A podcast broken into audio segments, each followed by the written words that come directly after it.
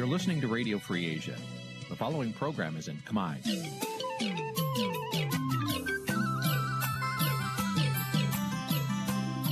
នេះជាកម្មវិធីផ្សាយ Vuthu Azizi Serai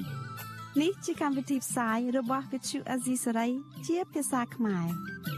Vuthu Azizi Serai សូមស្វាគមន៍លោកអ្នកនាងទាំងអស់ពីរដ្ឋធានី Washington នៃសហរដ្ឋអាមេរិក បាទផ្សាយផ្ទាល់ពីរដ្ឋធានី Washington ខ្ញុំបាទជួនច័ន្ទបុតស៊ូមជម្រាបសួរលោកអ្នកនាងកញ្ញានិងប្រិយមិត្តទាំងអស់ជាទីមេត្រីយើងខ្ញុំសូមជូនកម្មវិធីផ្សាយសម្រាប់រាត្រីថ្ងៃសុក្រ13កើតខែមករាឆ្នាំឆ្លូវត្រីស័កពុទ្ធសករាជ2564ដែលត្រូវនៅថ្ងៃទី17ខែធ្នូគ្រិស្តសករាជ2021ជាដំបូងនេះសូមអញ្ជើញលោកអ្នកនាងស្ដាប់ព័ត៌មានប្រចាំថ្ងៃដែលមានមេត្តាដូចតទៅ thank you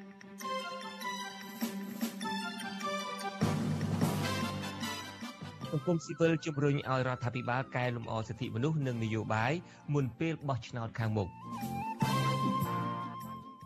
អង្គការសិទ្ធិមនុស្សស្នើឲ្យអាជ្ញាធរនាំខ្លួនមន្ត្រីការបំផ្លាញព្រៃលិចទឹកបន្ថែមទៀតទៅផ្ដន់ទោស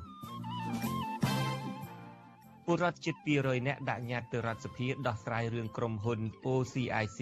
រំលោភយកដីរបស់ពួកគេទី វេទិកាអ្នកស្ដាប់វិទ្យុអាស៊ីស្រីនារីត្រីនេះយើងនឹងជជែកគ្នាថាតើរដ្ឋាភិបាលកម្ពុជាពិតជាដឹកនាំប្រទេសដោយគ្មានពឹងពាក់អាមេរិកនិងប្រទេសលោកសេរីដទៃទៀតបានដែរឬយ៉ាងណាបាទជាបន្តទៅទៀតនេះសូមអញ្ជើញលោកនៅនាងស្ដាប់ព័ត៌មានប្រចាំថ្ងៃដែលមានមេតិការ ស្ដាប់ព័ត៌មានប្រចាំថ្ងៃដែលមានសេចក្តីពិស្ដារដូចតទៅបាទលោកនាងកញ្ញាជាទីមេត្រីអ្នកធ្វើការតាក់ទងការបោះឆ្នោតជំរុញទៅរដ្ឋាភិបាល លើកកម្ពស់ការគោរពសិទ្ធិពលរដ្ឋសិទ្ធិនយោបាយនិងបើកលំហសេរីភាពនយោបាយឡើងវិញ ដើម្បីបង្កើនបរិយាកាសល្អសម្រាប់ការបោះឆ្នោតខាងមុខ ការលើកឡើងបែបនេះក្រោយពេលលោកនាយករដ្ឋមន្ត្រីហ៊ុនសែនបានណែនាំឲ្យមានការត្រៀមលក្ខខណ្ឌសម្រាប់ការបោះឆ្នោតឆ្នាំ2022និងឆ្នាំ2023ខាងមុខបាទអ្នកស្រីខែសំណងមានសេចក្តីរាយការណ៍អំពីរឿងនេះជូនលោកនៅនាងពីរដ្ឋធានី Washington ក្រុមអង្គការសង្គមស៊ីវិលដែលធ្វើការងារតាក់ទងការបោះឆ្នោតលើកឡើងថា ការបើកលំហនយោបាយជាផ្នែកមួយសំខាន់ក្នុងការធ្វើឲ្យការបោះឆ្នោតនាពេលខាងមុខមានគណៈបកច្រើននិងគណៈបកដែលជាគូប្រកួតប្រជែងជាមួយគណៈបកកណ្ដាលអំណាចអាចចូលរួមក្នុងការបោះឆ្នោតនោះបាន។នាយកប្រតិបត្តិអង្គការឃ្លាំមើលការបោះឆ្នោតនៅកម្ពុជាហៅកាត់ថា NECFAC លោកសំគុណធីមីជំរុញទៅរដ្ឋាភិបាលគួរបើកលំហនយោបាយឡើងវិញដោយផ្ដល់សិទ្ធិធ្វើនយោបាយដល់មន្ត្រីគណៈបកប្រឆាំងដែលជាប់បំរាមបើអ្នកទាំងនោះស្នើសុំសិទ្ធិធ្វើនយោបាយ លោកក៏ចង់ឲ្យមានការអនុញ្ញាតដល់គណៈបកនយោបាយដែលស្នើសុំធ្វើនយោបាយអាចធ្វើសកម្មភាពនយោបាយបានលោកបន្តថាសង្គមប្រជាធិបតេយ្យចាំបាច់ត្រូវមានការចូលរួមធ្វើនយោបាយពីគ្រប់ភាគីហើយការអនុវត្តបែបនេះគឺបានផ្ដល់ផលប្រយោជន៍ច្រើនដល់ពលរដ្ឋម្ចាស់ឆ្នោត និងផលប្រយោជន៍ជាតិផងដែរ បើសិផលប្រយោជន៍វាមាន check in balance ណាបាទចង់និយាយថាវាមានចលយៈភាពមិនមែនដូចយើងយើងនិយាយថាភាសាសាមញ្ញថាជីសេះលេងដៃណានឹងមិនអាចធ្វើកើតទេព្រោះអីបាទវាមាន check balance ណាដូចថាមុននឹងធ្វើអីតែគិតផលប្រយោជន៍ជីវរដ្ឋព្រោះឆន្ទៈប្រជាពលរដ្ឋតាដែលបោះឆ្នោតឲ្យមនុស្សអង្គុយហ្នឹងណា ស្រដៀងគ្នានេះដែរអ្នកសម្របសម្រួលផ្នែកអង្គការរបស់អង្គការឃ្លាំមើលការបោះឆ្នោត Confrel លោកកនសវាងសង្កេតឃើញថាបរិយាកាសនយោបាយមុនការបោះឆ្នោតនៅតែមានភាពអាប់អួរដោយសកម្មជននយោបាយបកប្រឆាំងមួយចំនួន កំពុងរងការចោទប្រកាន់តាមផ្លូវតុលាការហើយគណៈបកនយោបាយមួយចំនួនទៀតមិនទាន់អាចធ្វើសកម្មភាពរបស់ខ្លួនពេញលេញនៅឡើយ។ លោកលើកឡើងទៀតថានៅក្នុងសង្គមប្រជាធិបតេយ្យរដ្ឋាភិបាលមានទួនាទីក្នុងការលើកកម្ពស់ប្រជាធិបតេយ្យសេរីពហុបកសិទ្ធិមនុស្សនិងបរិយាកាសនយោបាយល្អ ការបារម្ភផ្នែកនយោបាយនឹងពងរួមទាំងជាប្រដ្ឋនឹងក៏គាត់មានការព្រួយបារម្ភរឿងមានថាអស់គេហៅទឹកចិត្តក្នុងការចូលរួមនៅរឿងបញ្ហាពាក់ព័ន្ធជាមួយនឹងរឿងការបោះឆ្នោតថែមទៀតអញ្ចឹងទៅនឹងហើយចំណុចអីត្រូវការស្ដារឡើងវិញបាទសំណើរបស់ក្រុមអង្គការសង្គមស៊ីវិលនេះធ្វើឡើងក្រោយពេលលោកនាយករដ្ឋមន្ត្រីហ៊ុនសែនបានថ្លែងនៅក្នុងកិច្ចប្រជុំគណៈរដ្ឋមន្ត្រីកាលពីថ្ងៃទី16ខែធ្នូដោយលោកបានណែនាំឲ្យត្រៀមលក្ខណៈសម្បត្តិឲ្យបានគ្រប់គ្រាន់សម្រាប់ការបោះឆ្នោតជ្រើសរើសក្រុមប្រឹក្សាឃុំសង្កាត់ឆ្នាំ2022និងការបោះឆ្នោតជ្រើសរើសតំណាងរាស្ត្រឆ្នាំ2023ខាងមុខអ្នកនាំពាក្យរដ្ឋាភិបាលលោកផៃស៊ីផានឲ្យវិទ្យុអាស៊ីសេរីដឹងបន្ថែមនៅថ្ងៃទី17ធ្នូថាការលើកឡើងរបស់លោកហ៊ុនសែនសំដៅលើការងារបកប៉ុណ្ណោះ ចំណែកតកតងសំណើរបស់មន្ត្រីសង្គមស៊ីវិលដែលជំរុញឲ្យរដ្ឋាភិបាលកែលម្អសិទ្ធិមនុស្សសិទ្ធិនយោបាយនិងប្រជាធិបតេយ្យឡើងវិញលោកផៃស៊ីផានចោទប្រកាន់ថានេះគ្រាន់តែជាការលើកឡើងដដែលៗដើម្បីដាក់កំហុសលើរដ្ឋាភិបាល ពិបាកនឹងខវិយតម្លៃពីព្រោះគេមាននិន្នាការនយោបាយអស់តែអ្នកនឹងស្របច្បាប់ចុចឈ្មោះនគរចបលោកអាចធ្វើសកម្មភាពបានតែអត់មានអីពាក់ព័ន្ធនឹងរដ្ឋាភិបាលទេពីព្រោះទាំងអស់គ្នានឹងមានច្បាប់បោះឆ្នោតហើយពាក់ព័ន្ធនឹងក្រសួងមហាផ្ទៃទៅធ្វើបែបបត់ស្អីចឹងទៅប្រកាសតែជាគណៈបកបានចុះឈ្មោះរួចហើយយើងធ្វើសកម្មភាពបានតា ការបោះឆ្នោតជ្រើសរើសក្រុមប្រឹក្សាឃុំសង្កាត់អាណត្តិទី5នឹងប្រព្រឹត្តទៅនាថ្ងៃទី5ខែមិថុនាឆ្នាំ2022ខាងមុខកាលពីពេលថ្មីថ្មីនេះក្រុមអង្គការសង្គមស៊ីវិលជាង60ស្ថាប័នបានរួមគ្នាចេញសេចក្តីថ្លែងការណ៍ស្នើឲ្យមានការកែលម្អបញ្ហា6ចំណុចដើម្បីឲ្យមានលក្ខខណ្ឌអំណោយផលសម្រាប់ការបោះឆ្នោតខាងមុខក្នុងនោះរួមមានបរិយាកាសនយោបាយសេរីសិទ្ធិនយោបាយសិទ្ធិឈរឈ្មោះបោះឆ្នោតឆន្ទៈអ្នកបោះឆ្នោត និងសិទ្ធិបោះឆ្នោត បន្ថែមពីនេះក៏ស្នើឲ្យសមាជិកគណៈកម្មាធិការជាតិរៀបចំការបោះឆ្នោតកម្លាំងប្រដាប់អាវុធនិងតុលាការមានភាពឯករាជ្យនិងអព្យាក្រឹតនិងមានការចូលរួមឃ្លាំមើលពីអង្គការសង្គមស៊ីវិលរួមទាំងប្រព័ន្ធផ្សព្វផ្សាយឯករាជ្យផងដែរចា៎នេះខ្ញុំខែសុណងវັດឈូអាស៊ីសេរីរាយការណ៍ពីរដ្ឋធានី Washington បាទលោកនៅនាងកញ្ញាជាទីមេត្រីតកតងទៅនឹងវិវាទដីធ្លីឯនោះវិញនៅឯខេត្តកណ្ដាលពលរដ្ឋខេត្តកណ្ដាលនិងខេត្តតាកែវជិត200នាក់ បាននាំគ្នាដាក់ញត្តិទៅរដ្ឋសភានៅថ្ងៃទី17ធ្នូនេះដើម្បីសុំឲ្យស្ថាប័ននីតិបញ្ញត្តិមួយនេះអន្តរាគមទៅលោកនាយករដ្ឋមន្ត្រីហ៊ុនសែនដើម្បីដោះស្រាយវិវាទដីធ្លីជាមួយក្រុមហ៊ុន OCIC ក្នុងគម្រោងសាងសង់ប្រលានយន្តហោះថ្មីពលរដ្ឋបញ្ជាក់ថាក្រុមហ៊ុនបានឈូសឆាយដោយមិនទាន់ទិញដីពីពលរដ្ឋក្នុងតម្លៃសមរម្យនៅឡើយ មន្ត្រីសង្គមស៊ីវិលជំរុញដល់អាជ្ញាធរពាក់ព័ន្ធជាពិសេសភាគីក្រុមហ៊ុន គួរពន្លឿននិងបញ្ចប់វិវាទដីធ្លីជូនពលរដ្ឋឲ្យបានឆាប់ជាមុនសិនបើពុំដូច្នេះទេ បញ្ហានេះប៉ះពាល់ដល់ជីវភាពពលរដ្ឋបន្ថែមទៀតបាទលោកទីនសាការីយ៉ាមានសេចក្តីរាយការណ៍អំពីរឿងនេះជូនលោកនៅនាងពលរដ្ឋមានចំនួនដីធ្លីមកពីឃុំបឹងខ្ចាងឃុំអំពៅព្រៃឃុំប្រាច់ស្លែងក្នុងស្រុកកណ្ដាលស្ទឹងខេត្តកណ្ដាល និងឃុំពុតសស្រុកបាទីខេត្តតាកែវបាននាំគ្នាដាក់ញត្តិនៅរដ្ឋសភានាព្រឹកថ្ងៃទី17ធ្នូដើម្បីសុំអន្តរាគមន៍ក្រោយពីអាជ្ញាធរនិងក្រុមហ៊ុននៅតែមកផ្ដាល់សំណងសមរម្យដល់ពួកគាត់ដែលរងផលប៉ះពាល់ពីគម្រោងវិនិយោគសាងសង់ពលិយន្តហោះថ្មីនៃក្រុមហ៊ុន OCIC របស់អង្គការពងខៀវសាយតំណាងប្រជាពលរដ្ឋលោកស្រីខឹមម៉ាលីប្រាប់វិទ្យុអសិរ័យថាប្រជាពលរដ្ឋជិត200នាក់សម្រេចចិត្តឡើងមកដាក់ញត្តិនៅរដ្ឋសភាពេលនេះ ដោយសារតែភាគីក្រុមហ៊ុននិងអាជ្ញាធរនៅតែកំណត់តម្លៃដីត្រឹមតែ8ដុល្លារក្នុង1ម៉ែត្រការ៉េដោយបរិវត្តយល់ថាតម្លៃនេះមិនសមស្របទៅនឹងតម្លៃទីផ្សារជាក់ស្ដែងនិងមិនអាចទៅទិញដីលំនៅឋានទីកន្លែងផ្សេងទៀតបានលោកស្រីបន្តថាបច្ចុប្បន្នតម្លៃដីនៅតំបន់នោះចន្លោះពី80ដុល្លារដល់ជាង100ដុល្លារក្នុង1ម៉ែត្រការ៉េ រដ្ឋសភានេះដើម្បីចង់ឲ្យគាត់ជួយរកដំណោះស្រាយឲ្យប្រជាជនពួកខ្ញុំផងព្រោះអីរងគ្រោះរយៈពេល4ឆ្នាំមកហើយអត់មានដំណោះស្រាយអីទេស្រែក៏អត់បានធ្វើដែរព្រោះដោយសារដីស្រែពួកខ្ញុំគាត់ឈូសឆាយអស់ហើយអញ្ចឹងអត់មានស្រែធ្វើទេហើយអញ្ចឹងពួកខ្ញុំត្រូវប្រឈមមុខក្នុងការជីវភាពកន្លងមកពួកខ្ញុំពឹងលើស្រែហ្នឹងហើយតែឥឡូវនេះដោយសារខាងក្រុមហ៊ុន OCIC ហ្នឹងទៅដាក់កងកម្លាំងនេះជាមួយនឹងអាជ្ញាធរឈូសឆាយដីពួកខ្ញុំហ្នឹងខ្ទេចខ្ទីដោយអត់មានរកដំណោះស្រាយឲ្យតំណាងប្រមម្នាក់ទៀតលើកឡើងថាបរដ្ឋដែលបានដាក់ញត្តិស្វែងរកកិច្ចអន្តរាគមន៍ជាច្រើនស្ថាប័នមកហើយប៉ុន្តែពួកគាត់នៅតែមិនទទួលបានដំណោះស្រាយណាមួយដើម្បីបញ្ចប់ចំនួនដីធ្លីនេះទេយ៉ាងណាក្តីស្ត្រីវ័យ55ឆ្នាំរូបនេះ រំពឹងថាស្ថាប័នរដ្ឋសភានឹងផ្ដល់ដំណោះស្រាយសមរម្យដល់អ្នកភូមិដើម្បីជួយដល់ជីវភាពគ្រួសាររបស់ពលរដ្ឋដែលកំពុងតែជួបការលំបាកចាខ្ញុំមានមុខរបរអីទេខ្ញុំមានមុខរបរធ្វើតែស្រែហ្នឹងណាអូនណាកូនរៀនកំពុងនៅលើស្រែហ្នឹងដែរចាឥឡូវឈូសឆាយអស់ហើយខ្ញុំអត់មានអីឲ្យកូនហូបទេកូនចៅពិបាកណាស់ណា កូនចៅសុំចំណងពើប៉ុណ្ណឹងកូនចៅមិនអាចទទួលយកបានទេ8រៀលនេះកូនចៅមានដីតែបន្តិចបន្តួចកូនចៅរស់ជាកសិកររស់នៅ គឺអាស្រ័យទៅលើផលធ្វើស្រូវហើយឥឡូវកូនចៅអត់ដីធ្វើស្រូវហើយតែកូនចៅរស់នៅរបៀបណាទៀតមន្ត្រីរដ្ឋសភាអនុញ្ញាតឲ្យតំណាងបរដ្ឋចំនួន4នាក់ចូលដាក់ញត្តិប៉ុន្តែមិនបានសន្យាអ្វីនោះទេដោយគ្រាន់តែតម្រូវឲ្យបរដ្ឋបំពេញឯកសារបន្ថែមតែប៉ុណ្ណោះអ្នកនាំពាក្យរដ្ឋសភាលោកលេងពេញឡុងប្រាប់ថាញត្តិរបស់បរដ្ឋនេះ ត្រូវបានបញ្ជូនទៅគណៈកម្មការជំនាញហើយក្នុងករណីចាំបាច់គណៈកម្មការជំនាញរដ្ឋសភាអាចកោះហៅបរដ្ឋមកបំភ្លឺបន្ថែមទៀតគាត់ទទួលពាក្យ ទទួលញ៉ាំនឹងហើយគាត់ពិនិត្យញ៉ាំនឹងហើយគាត់នឹងពិចារណាមើលថាតើតើគួរចាត់វិធានការបែបណាបាទស្ដីថាអាចនឹងស្នើសុំឲ្យពិធីពាក់ព័ន្ធបញ្យលយ៉ាងម៉េចអមិញឬក៏ណែដោះស្រាយរបៀបម៉េចបើជាតាមគោលការណ៍គេថាបើសិនជាវាតឹងតែងខ្លាំងគេអាចអញ្ជើញភាគីនឹងមកសួរនាំផ្ទាល់ឲ្យក៏បានដែរបាទគម្រោងអភិវឌ្ឍប្រលានយន្តហោះថ្មីលើផ្ទៃដីជិត3000ហិកតា មានភាពចម្រុងចម្រាស់តាំងពីដើមមក ដោយសារតែអាជ្ញាធរបានកំណត់តម្លៃដីក្នុង1ម៉ែត្រការ៉េចន្លោះពី3ដុល្លារដល់8ដុល្លារគម្រោងនេះជន់លើដីស្រែបរតយ៉ាងហោចណាស់400គ្រួសារនៅស្រុកកណ្ដាលស្ទឹងខេត្តកណ្ដាលនិងឃុំពុតសស្រុកបាទីខេត្តតាកែវមន្ត្រីសម្រាប់សម្រួលគម្រោងធុរកិច្ចនិងសិទ្ធិមនុស្សនៃមជ្ឈមណ្ឌលសិទ្ធិមនុស្សកម្ពុជាលោកវ៉ាន់សុផាត សង្កេតឃើញថាកន្លងមកភាគីក្រុមហ៊ុននិងអាជ្ញាធរបានអនុវត្តផ្ទុយពីច្បាប់ចំពោះពលរដ្ឋដែលមានប្លង់កម្មសិទ្ធិទាំងនោះ ពីព្រោះច្បាប់ធានាថាពួកគាត់ត្រូវទទួលបានសំណងសមរម្យនិងយុត្តិធម៌ដោយមានការព្រមព្រៀងគ្នាជាមុនលោកបញ្ជាក់ថាបរដ្ឋមានសិទ្ធិស្នើសុំកិច្ចអន្តរាគមន៍ពីស្ថាប័នពាក់ព័ន្ធប៉ុន្តែលោកថាស្ថានភាពរដ្ឋាភិបាលបច្ចុប្បន្នទំនងជាមិនអាចដោះស្រាយវិវាទនេះតាមសំណើរបស់បរដ្ឋបានទេដោយក្រុមហ៊ុន OCIC របស់លោកពងខៀវសែ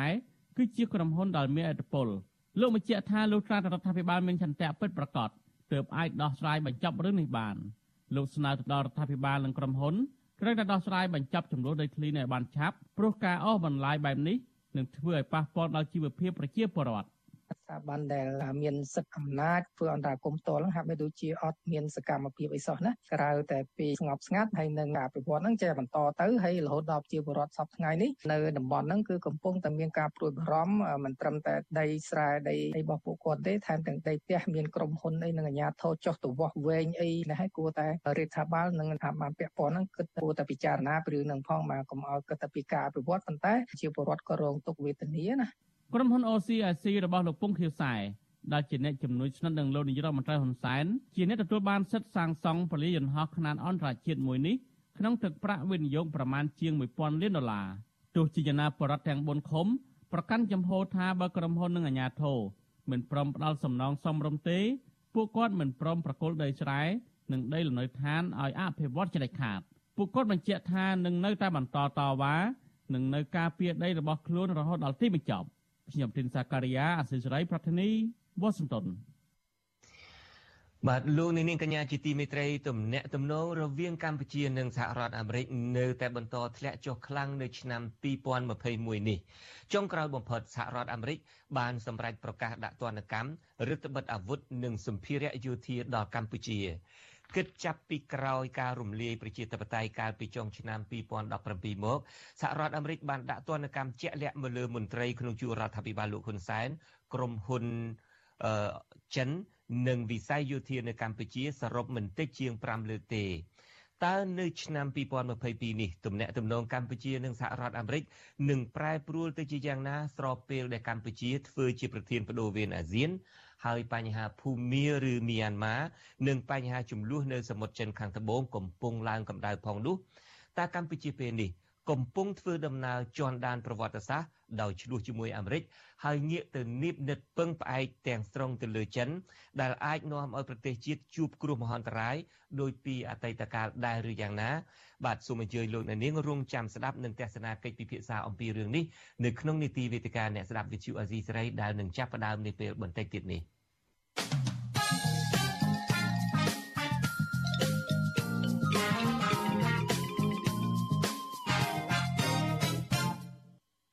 បាទក្រុមហ៊ុនក្រុមបុគ្គលិក Nagavel ជិត2000នាក់នឹងប្រមូលផ្ដុំគ្នាធ្វើកោតកម្មនៅថ្ងៃទី18ធ្នូស្អែកនេះនៅទីធ្លាមុខអគារក្រុមហ៊ុន Nagavel ទី1ដើម្បីដាក់សម្ពាធឲ្យក្រុមហ៊ុនផ្ដល់ដំណោះស្រាយបញ្ចប់វិវាទការងារស្របតាមច្បាប់ស្តីពីការងារកម្ពុជាគិតមកទល់ពេលនេះ នៅសល់បុគ្គលិកជិត400នាក់ក្នុងចំណោម1300នាក់មិនព្រមទទួលសំណងពីក្រុមហ៊ុនឡើយដោយសារតែសហជីពគិតថាការទូទាត់សំណងនោះមិនត្រឹមត្រូវតាមច្បាប់ស្តីពីការងារសហជីពនៃក្រុមហ៊ុនបនលបៃ Nagavel លើកឡើងនៅក្នុងសេចក្តីប្រកាសព័ត៌មាននៅថ្ងៃទី17ធ្នូថាពួកគាត់ព្យាយាមអនុវត្តគ្រប់នីតិវិធីអស់រយៈពេលជាង8ខែហើយដើម្បីស្វែងរកដំណោះស្រាយក្នុងវិវាទការងារជាមួយភាគីក្រុមហ៊ុន តែមកទល់នឹងពេលនេះ នៅមិនទាន់បានទទួលដំណោះស្រាយសមស្របនៅឡើយសហជីពបញ្ជាក់ថាសកម្មភាពធ្វើកោតកម្មនៅពេលខាងមុខនេះគឺដោយសារកម្មករអស់សង្ឃឹមនឹងស្ថាប័នរដ្ឋដែលពុំអាចស្វែងរកដំណោះស្រាយឲ្យពួកគេបានស្របតាមច្បាប់ការងារខណៈដែលភាគីក្រុមហ៊ុននៅតែប្រកាន់ជំហរមិនពិភាក្សាជាមួយសហជីពដើម្បីបញ្ចប់បញ្ហានេះឡើយវិទ្យុអាស៊ីសេរីនៅមិនទាន់សូមការឆ្លើយតប ជុំវិញគម្រោងធ្វើកោតកម្មនេះពីប្រធានប្រតិបត្តិបុគ្គលិករបស់ក្រុមហ៊ុន Nagavel លោកម៉ៃងាលបាននៅឡើយទេ នៅថ្ងៃទី17ធ្នូដោយហៅទូរស័ព្ទតែពុំមានអ្នកទទួល ក្រុមអង្គការសង្គមស៊ីវិលដែលតាមដានវិវាទការងារនេះស្នើដល់ប្រធានក្រុមហ៊ុន Nagavel ធ្វើការចរចាជាមួយតំណាងសហជីពដើម្បីស្វែងរកដំណោះស្រាយសមស្របមួយ ដែលអាចទទួលយកបានទាំងពីរភាគីប្រកបដោយភាពស្មោះត្រង់និងបញ្ឈប់ការរើសអើងនិងធ្វើទុកបុកម្នេញទៅលើសហជីព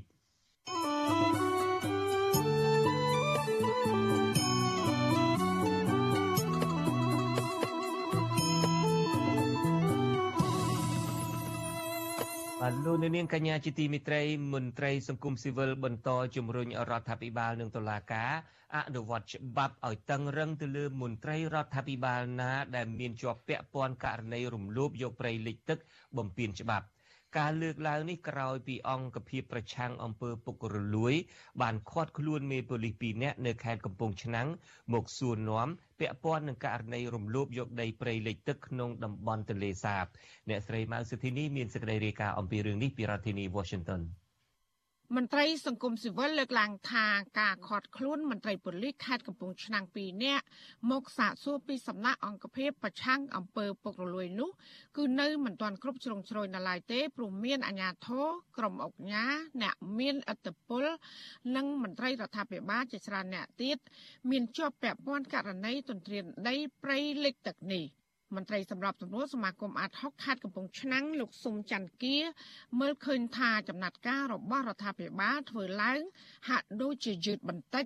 ព្រោះដីព្រៃលិចទឹកបានទទួលរងការបំផ្លិចបំផ្លាញធ្ងន់ធ្ងរទើបរដ្ឋាភិបាលចាត់វិធានការតាមក្រោយ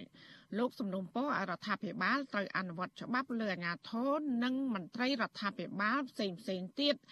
ដែលបណ្ដាលបណ្ដោយឲ្យកើតមានបាត់ល្មើសឧក្រិដ្ឋប្រៃឈើក្នុងដែនសមត្ថកិច្ចរបស់ខ្លួនស្របតាមក្រមព្រហ្មទណ្ឌ បើបានដឹងហើយហើយអត់ធ្វើការរាយការណ៍អញ្ចឹងតំណាងអាយកានឹងគួរតែផ្ដើមចោតទៅលើមន្ត្រីទាំងអស់នោះហើយយកមន្ត្រីទាំងអស់នោះដើម្បីដាក់ទោសបើមិននឹងទេមន្ត្រីទាំងអស់នោះគឺបដែតបដោយឲ្យគេឲ្យទៅការពារនឹងគឺធ្វើដោយអជ័យអញ្ចឹងអ្នកណាកាប់អីធ្វើអីតាមនឹងទៅអត់ដាក់ទោសអញ្ចឹងទៅការបដែតបដោយនេះនៅតែបន្តទៅទៀតបាទ ប្រដៀងគ្នានេះប្រធានផ្នែកកម្មវិធីស្រាវជ្រាវនឹងតស៊ូមតិនៃសមាគមបណ្ដាញយុវជនកម្ពុជា លោកហេងកំហុងថ្លែងថាអ្នកមានអំណាចនិងមន្ត្រីរដ្ឋាភិបាលមួយចំនួន តែងតែប្រែអត្តពលមុខងាររបស់ខ្លួន កាប់បំផ្លាញធនធានធម្មជាតិនិងកាន់កាប់ទ្រព្យរបស់រដ្ឋដោយខុសច្បាប់ លោកក៏បានជំរុញអរដ្ឋាភិបាលត្រូវអនុវត្តច្បាប់ឲ្យតឹងរឹង ចំពោះជនទាំងឡាយណាដែលកេងប្រវ័ញ្ចទ្រព្យរបស់រដ្ឋដោយខុសច្បាប់លោកក៏ចង់ឃើញថាសមត្ថកិច្ចនិងអាជ្ញាធររដ្ឋាភិបាលថ្នាក់មូលដ្ឋាន យកចិត្តទុកដាក់ការពារធនធានធម្មជាតិឬក៏ប្រៃលិចទឹកឲ្យមានប្រសិទ្ធភាពយូរកុំចាំតែមានបទបញ្ជាពីថ្នាក់លើទៅអនុវត្តច្បាប់ វិភាពថ្នាក់ជាតិដែលទទួលមុខការចំពោះរឿងនេះហ្នឹងបាទគួរតែបញ្ជូនកម្លាំងរបស់ខ្លួនធ្វើការស៊ើបអង្កេតរកមន្ត្រីពាក់ព័ន្ធទៀតដែលមិនព្រមអនុវត្តច្បាប់ហើយបណ្តែតបណ្ដោយឲ្យមានបទល្មើសទាំងនេះកើតឡើង ការអំពាវនាវរបស់ក្រមមន្ត្រីអង្គការសង្គមស៊ីវិលនេះគឺធ្វើឡើងក្រោយដែលអង្គភាពប្រឆាំងអំពើពុករលួយ បានខាត់ខ្លួនជនសង្ស័យ2នាក់កាលពីថ្ងៃទី16ខែធ្នូគឺស្នងការរងខេត្តកំពង់ឆ្នាំងលោកសុំសុជាតិនិងម្នាក់ទៀតឈ្មោះកៅណារុនដែលមានតួនាទីជាប្រធានការិយាល័យអន្តរាគមនៃស្នងការដ្ឋាននគរបាលខេត្តកំពង់ឆ្នាំង តាក់ទិនករណីកាន់កាប់ព្រៃលិចទឹកនៅតំបន់3ក្នុងស្រុកកំពង់លែងខេត្តកំពង់ឆ្នាំងចាអ្នកនាំពាក្យស្នងការដ្ឋាននគរបាលខេត្តកំពង់ឆ្នាំងលោកអៀប៊ុនធឿនប្រាប់បច្ចុប្បន្នស្រីថានគរបាលពីររូបនេះត្រូវបានអង្គភាពប្រឆាំងអំពើពុករលួយខាត់ខ្លួន និងសួរនាំនៅរាជធានីភ្នំពេញក៏ប៉ុន្តែលោកសុំមិនផ្ដល់ព័ត៌មានលម្អិតបន្ថែមទៀតនោះទេ គរបាលខេត្តកំពង់ឆ្នាំងនេះបញ្ជូនគាត់ទៅអង្គភាពប្រឆាំងពើពងលួយដល់រាជធានីភ្នំពេញដើម្បីសួរនាំឬក៏ចាត់នីតិវិធីមិនណាស្រាប់ពីនេះខ្ញុំអត់ដឹងទេវិទ្យុអសីស្រីមិនទាន់អាចតាក់ទងសុំការបំភ្លឺរឿងនេះពីប្រធានអង្គភិបប្រឆាំងអំពើពុករលួយលោកអោមយិនទៀងនិងអ្នកនាំពាក្យអគ្គស្នងការដ្ឋាននគរបាលជាតិលោកឆាយកឹមខឿនបាននៅឡើយទេ នៅថ្ងៃទី17ខែធ្នូដោយសារតែទូរស័ព្ទហៅចូលច្រើនដងតែគ្មានអ្នកទទួល តាក់ទងរឿងនេះដែរប្រធានរាជបណ្ឌិតសភាកម្ពុជា ដែលមានឋានៈស្មើរដ្ឋមន្ត្រីលោកសុកទូចបានថ្លែងជាសាធារណៈកាលពីថ្ងៃទី16ខែធ្នូថាគ្រាន់តែតំបន់បឹងទន្លេសាបមួយកន្លែងក្នុងខេត្តកំពង់ធំត្រូវគេរំលោភបំពានយកដីព្រៃលិចទឹកអស់ទំហំជាង100,000ហិកតាប៉ុន្តែអ្នកបំពេញទាំងនោះបែរជាឆ្លើយថារំលោភត្រឹមតែ3000ហិកតាប៉ុណ្ណោះ ចំណែកព្រៃលិចទឹកនៅតំបន់បឹងទន្លេសាបក្នុងខេត្តសៀមរាបវិញលោកក៏បានអះអាងថាក៏ត្រូវបានគេរំលោភបំពានអស់រាប់ម៉ឺនហិកតាដែរប៉ុន្តែជនបង្កបែរជាឆ្លើយថាត្រឹមតែ2000ហិកតាប៉ុណ្ណោះចឹងសូមឲ្យនិយាយការពិតហើយយើងត្រូវតែរួមគ្នាធ្វើឲ្យបឹងទន្លេសាបคล้ายជាជាកន្លែងមានត្រីដ៏ល្អសម្រាប់ផលប្រយោជន៍នៃយុវជននៃកូនរបស់យើងដូនតារបស់យើងមិនដែលទិញត្រីគេញ៉ាំទេប៉ុន្តែពេលនេះយើងទិញគេ នាយកប្រតិបត្តិអង្គការបណ្ដាញការពារទន្លេ3លោកលៀងប៊ុនលៀបពន្យល់ថាការថែរក្សាព្រៃលិចទឹកផ្ដល់សារៈសំខាន់ណាស់ដល់ត្រីនិងជីវៈចម្រុះសម្រាប់ពងកូន និងជាកន្លែងផ្ដល់ប្រភពអាហារចាំបាច់លោកផ្ដល់ទស្សនៈថាព្រៃលិចទឹកដែលរដ្ឋាភិបាលរឹបអូសគួរតែដាំដើមឈើឡើងវិញនិងបង្កើនយន្តការថែទាំព្រៃលិចទឹកដែលនៅសល់ចុងក្រោយឲ្យគង់វង្ស បន្តឲ្យមានប្រៃលិចទឹកឡើងវិញជាចំណាយមួយសំខាន់ក្នុងការបង្កើនទិន្នផលជលផលឡើងវិញបាទរួមគ្នាអបអរសាទរព្រមទានការនឹងបាទនៅខេត្តកំពង់ឆ្នាំងសកម្មភាពកាប់ទន្ទ្រានដីព្រៃលិចទឹកអស់ជាច្រើនពាន់ហិកតាកើតមាននៅក្នុងស្រុកចំនួន3គឺស្រុកកំពង់លែងស្រុកជលគិរី និងស្រុកកំពង់ឆ្នាំងជាប់តំបន់បឹងទន្លេសាប មន្ត្រីសង្គមស៊ីវិលមើលឃើញថាសកម្មភាពកាប់ទន្ទ្រានដីព្រៃលិចទឹកទ្រង់ទ្រាយធំនេះអាចធ្វើទៅបាន គឺដោយសារមានជាប់ពាក់ព័ន្ធអាជ្ញាធរនិងមន្ត្រីជំនាញជាច្រើនទៀតពុំមែនមានតែនគរបាលពីរូបនោះដែលត្រូវបានខាត់ខ្លួននៅពេលនេះនោះទេរបាយការណ៍របស់ក្រសួងដែនដីចេញផ្សាយនៅថ្ងៃទី17ខែធ្នូ ឲ្យដឹងថានៅរយៈពេលជិត3សប្តាហ៍មកនេះមានប្រជាប្រដ្ឋចំនួនជាង9000គ្រួសារនៅក្នុងខេត្តចំនួន6បានឯកភាពប្រកួតដីព្រៃលិចទឹក ដែលខ្លួនបានកាប់ទន្ទ្រានសរុបជាង40000ហិកតាប្រកួតជូនដល់រដ្ឋាភិបាលវិញចាននាងខ្ញុំម៉ៃសុធានីវិទ្យុអាស៊ីស្រី ប្រធានាធិបតី Washington បាទលោកនាងកញ្ញាជាទីមេត្រីទំនាក់ទំនងរវាងកម្ពុជានិងសហរដ្ឋអាមេរិកនៅតែបន្តធ្លាក់ចុះខ្លាំងនៅឆ្នាំ2021នេះ ចុងក្រោយបំផុតសហរដ្ឋអាមេរិកបានសម្រេចប្រកាសដាក់ទណ្ឌកម្មរដ្ឋបិទអាវុធនិងសម្ភារៈយោធាដល់កម្ពុជាគិតចាប់ពីក្រោយការរំលាយប្រជាធិបតេយ្យកាលពីចុងឆ្នាំ2017មកសហរដ្ឋអាមេរិកបានដាក់ទណ្ឌកម្មជាក់លាក់ទៅលើមន្ត្រីក្នុងជួររដ្ឋាភិបាលលោកហ៊ុនសែនក្រុមហ៊ុនរបស់ចិន និងវិស័យយោធានៅកម្ពុជាសរុបមិនតិចជាង5លើកឡើយតើនៅឆ្នាំ2022នេះទំនាក់ទំនងកម្ពុជានិងសហរដ្ឋអាមេរិកនឹងប្រែប្រួលទៅជាយ៉ាងណា ស្របពេលដែលកម្ពុជានឹងធ្វើជាប្រធានបដូវវេនអាស៊ាន ហើយបញ្ហាភូមាឬមីយ៉ាន់ម៉ានិងបញ្ហាចំនួននៅសមុទ្រចិនខាងត្បូងកំពុងឡើងកម្ដៅផងនោះ តែកម្ពុជាពេលនេះកំពុងតែធ្វើដំណើរជន់ដានប្រវត្តិសាស្ត្រដោយឆ្លោះជាមួយអាមេរិកហើយងាកទៅនេបនិតពឹងផ្អែកទៅលើចិនទាំងស្រុងដែលអាចនាំឲ្យប្រទេសជាតិជួបគ្រោះមហន្តរាយដោយអតីតកាលដែរឬយ៉ាងណាបាទសូមអញ្ជើញលោកអ្នកនាងរងចាំស្ដាប់កិច្ចពិភាក្សាអំពីរឿងនេះដែលនឹងចាប់ផ្ដើមនាពេលបន្តិចទៀតនេះក្នុងនីតិវិទ្យាអ្នកស្ដាប់វិទ្យុអាស៊ីសេរីអាស៊ីសេរី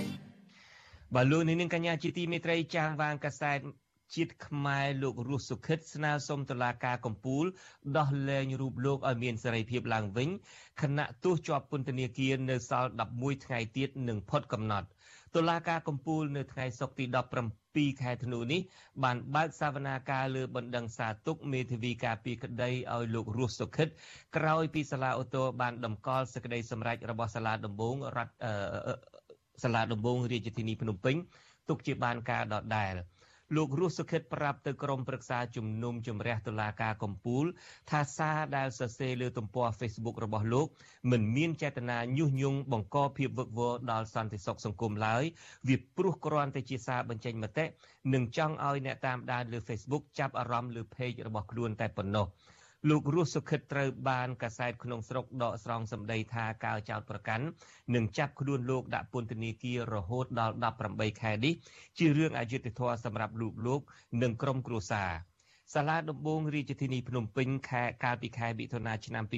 2020បានផ្ដន្ទាទោសចាមវាងកាសែតជាតិខ្មែររូបនេះ ដាក់ពន្ធនាគារ1ឆ្នាំ8ខែ និងពិន័យជាប្រាក់ចំនួន2លានរៀលពាក់ព័ន្ធទៅនឹងការបង្ហោះសារដកស្រង់សម្ដីរបស់លោកហ៊ុនសែនដែលប្រកាសលើកទឹកចិត្តឲ្យធនាគារនិងគ្រឹះស្ថានមីក្រូហិរញ្ញវត្ថុរឹបអូសទ្រព្យសម្បត្តិចំពោះពលរដ្ឋក្រីក្រ ដែលជឿលើការឃោសនារបស់ពួកក្រុមប្រឆាំងនឹងក្រៅប្រទេសក្នុងការក្នុងអំឡុងការរាតត្បាតនៃជំងឺ Covid-19 មេធាវីការពារក្តីឲ្យលោករស់សុខិតគឺលោកគង់សំសុគង្គបានប្រាប់ក្រមសារព័ត៌មានថាគោលបំណងនៃការបដិងសារទុកនេះគឺស្នើឲ្យតុលាការកំពូលសម្រាលទោសហើយលុបចោលប្រាក់ពិន័យ2លានរៀលនិងសំសម្ភារៈដូចជាកុំព្យូទ័រទូរស័ព្ទដៃដែលសមត្ថកិច្ចរឹបអូសយកមកវិញផងដែរប្រធានក្រុមជំនុំជម្រះនៃតុលាការកំពូលលោកនិលនុន គ្រងប្រកាសសាលដីកានៅថ្ងៃទី24ខែធ្នូឆ្នាំ2021ខាងមុខនេះ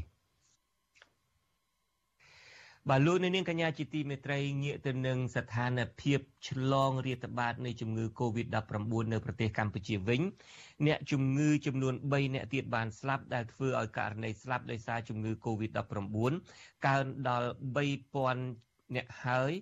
ក្រសួងសុខាភិបាលឲ្យដឹងថាក្នុងចំណោមអ្នកស្លាប់ទាំង3អ្នកទាំង3អ្នកនោះ2អ្នកមិនទាន់បានចាក់វ៉ាក់សាំងបង្ការជំងឺ Covid-19 ចំណែកករណីឆ្លងធ្វេវិញក្រសួងសុខាភិបាលប្រកាសថាមាន8អ្នកដែលជាលទ្ធផលបញ្ជាក់ដោយម៉ាស៊ីនពិសោធន៍ PCR គិតត្រឹមព្រឹកថ្ងៃទី17ធ្នូកម្ពុជាមានអ្នកកើតជំងឺ Covid ប្រមាណ120,000នាក់ក្នុងនោះអ្នកជាសះស្បើយជាង110,000នាក់ ក្រសួងសុខាភិបាលប្រកាសថាគិតត្រឹមថ្ងៃទីគិតត្រឹមថ្ងៃទី15ធ្នូរដ្ឋាភិបាលចាក់វ៉ាក់សាំងជូនពលរដ្ឋដែលគ្រប់អាយុបានប្រមាណ10លាននាក់សម្រាប់ដូសទី1និងជាង9លាន7សែននាក់សម្រាប់ដូសទី2ចំណែកកុមារនិងយុវជនដែលមានអាយុពី5ឆ្នាំដល់17ឆ្នាំវិញក្រសួងបញ្ជាក់ថាចាក់វ៉ាក់សាំងបាន4លាននាក់ក្នុងចំណោមអ្នកដែលត្រូវចាក់វ៉ាក់សាំងសរុបជាង4លាននាក់ បាទលោកនាងកញ្ញាទើបតែបានស្ដាប់ព័ត៌មានប្រចាំថ្ងៃដែលជម្រាបជូននៅខ្ញុំបាទជួនច័ន្ទបុតពីរដ្ឋធានី Washington បាទសូមអញ្ជើញលោកនាងរងចាំស្ដាប់នីតិវិទ្យាអ្នកស្ដាប់វិទ្យុអាស៊ីសេរីដែលនឹងចាប់ផ្ដើមនាពេលបន្តិចទៀតនេះ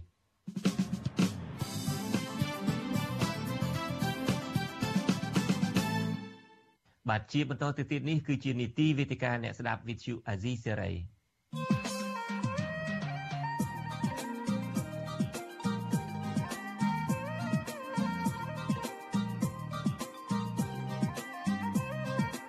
តិកាអ្នកស្ដាប់វិទ្យុអាស៊ីសេរី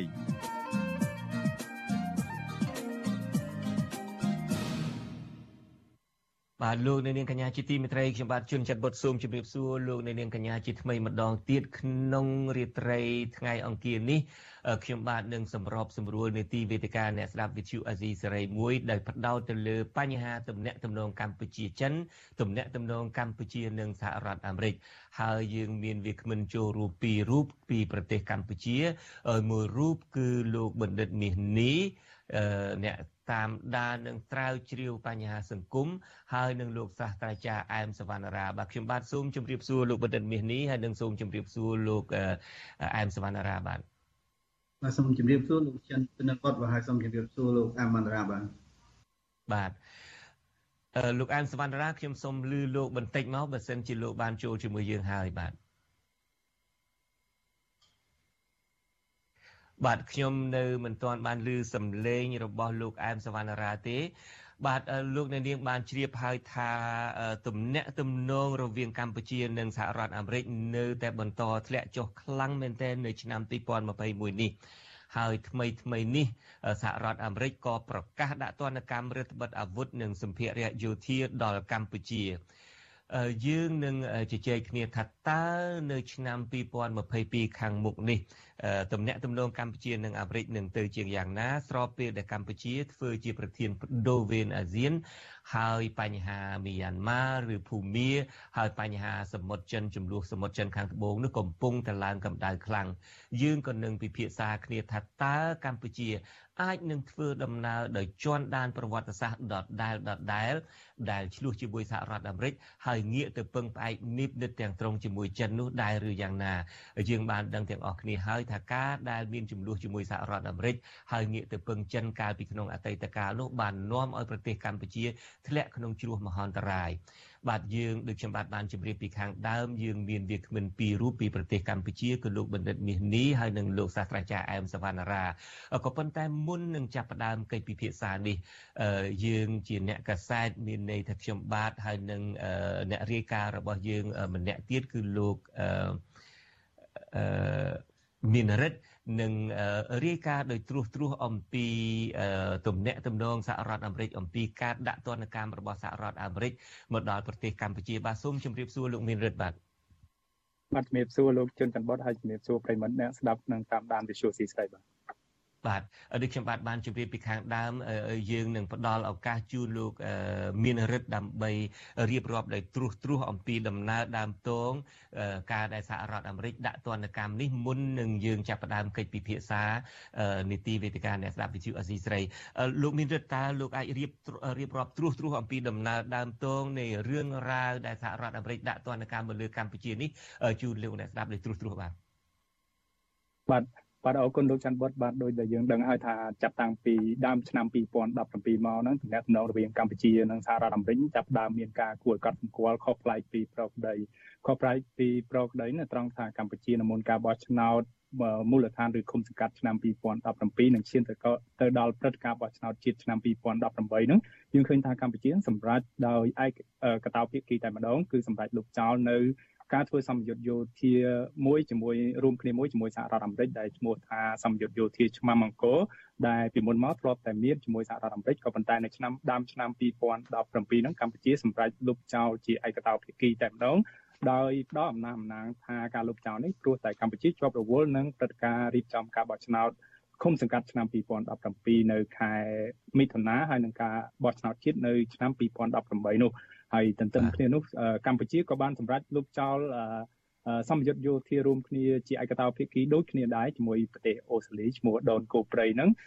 ដោយមិនអនុញ្ញាតឲ្យមានសម្ពយុទ្ធយោធាណាមួយជាមួយនឹងក្រុមប្រទេសលោកសេរីឡើយក៏ប៉ុន្តែអ្វីដែលគួរឲ្យចាប់អារម្មណ៍ហ្នឹងឃើញថាសម្ពយុទ្ធយោធារួមគ្នាជាមួយនឹងប្រទេសចិនឈ្មោះថាសម្ពយុទ្ធនិមាសនៅតែបន្តដដែល នេះហើយជាដើមចមួយដែលធ្វើឲ្យអាមេរិកនិងក្រុមប្រទេសលោកស្រីមានការសង្ស័យនិងមានចម្ងល់ចំពោះបញ្ហានេះហើយ